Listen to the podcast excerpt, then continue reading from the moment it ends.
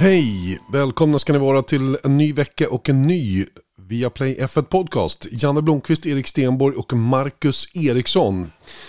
Man skulle nästan ha spelat eh, temat till tv-serien Miami Vice den här veckan, men eh, det gör vi inte. Jag tror inte ens att vi får om vi skulle vara riktigt ärliga.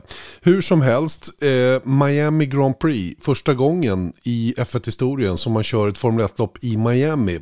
Och vi gör det vid Hard Rock Stadium, eh, som är då eh, platsen för Miami Dolphins, där de spelar. Och eh, jag var ju faktiskt själv tillsammans med Björn Wirdheim och vår fotograf Magnus Andersson på plats 2019 redan när det stod klart att man planerade att bygga en bana runt omkring eh, den här arenan då ute i Miami Gardens. Eh, spännande att följa eh, Miami Grand Prix kommande helg och veckans podd handlar förstås väldigt mycket om detta också. Eh, Marcus Eriksson han ger oss möjligheten att eh, få reda på hur man lär sig en ny bana. Vad, är det liksom, vad tittar förarna efter när de tittar på en ny bana? Ehm, vilka, vilka verktyg finns för att eh, spida på processen och så vidare. Sen hörni, har vi fått möjligheten att prata lite längre då med en kille som ni som har sett våran Formel 1-studio på tv på Viaplay eh, har, har, sett tidigare, nämligen Jonas Jalmark. Han är ju, eh, han eh, jobbar med mekatronik och fordonsprestanda på Öhlins. Öhlins som bygger stötdämpare till bilar eh, och eh, motorcyklar eh, och är faktiskt leverantör till ett antal Formel 1-team dessutom. Superspännande att höra Jonas Jarlmark om, om utmaningarna som teamen har den här säsongen.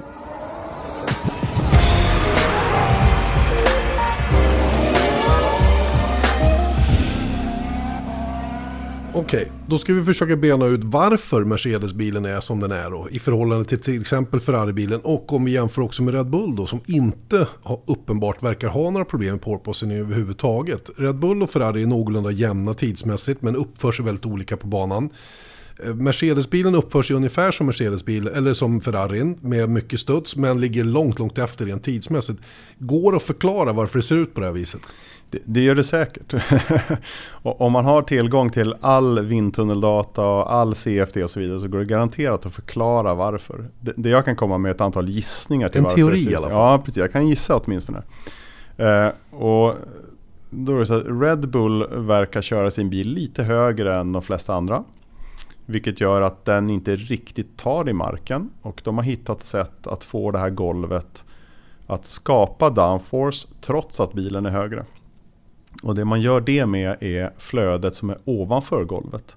Så när, när flödet lämnar golvet antingen åt sidorna vid sidepodsen eller längst bak. Så helt beroende på hur man designar luftsläppet där så hjälper man golvet att skapa downforce. Och gör man det på ett effektivt sätt då kan man köra bilen lite högre. Um, om vi tänker på det så har ju Red Bull alltid haft en high rake filosofi med sina gamla bilar. Så de har ju varit duktiga på att skapa downforce trots att diffusor och golv är ganska långt ifrån marken. Medan Mercedes däremot, de har kört precis tvärtom. Låg, låg rake, golvet nära och så vidare. Och de har nog haft en helt annan strategi för hur de skulle skapa downforce med det här golvet. Den strategin verkar inte ha fungerat. Nej. Och så har vi Ferrari någonstans mittemellan här nu då, som har, som har fått en bil att bli snabb trots att den hoppar väldigt.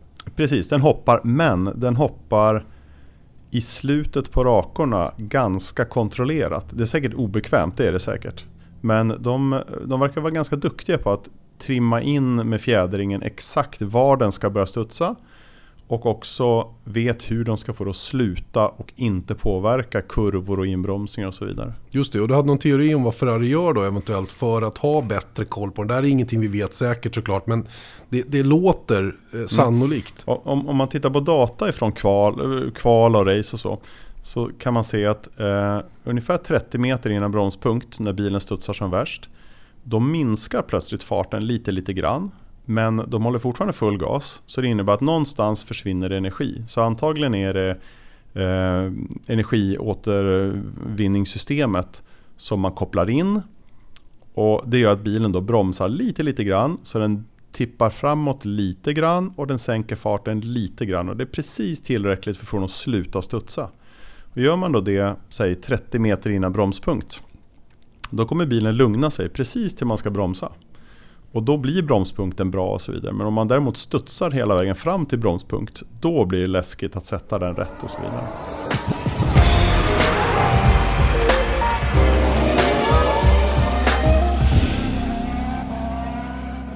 Hela den här intervjun den hittar du då i våran podcast via Play F1 Podcast som ligger hos Podme. Gå in på podme.com och teckna dig för ett abonnemang och häng med oss fortsatt under den här Formel 1-säsongen. Eh, vidare i just veckans avsnitt, vi tar en titt på silly season-läget där det är ungefär 50-50 om man har kontrakt som löper ut den här säsongen eller om man har ett som löper vidare. Spännande med en uppdatering där. Eh, vi vet att Formel 1 tittar på att eventuellt förändra tilldelningen av däck. Vi pratar om det och vi har ett par saker som vi håller ögonen på också inför Miami Grand Prix. Missa inte via Play F1 Podcast hos Podme alltså. Vi hörs om en vecka igen. Hej då!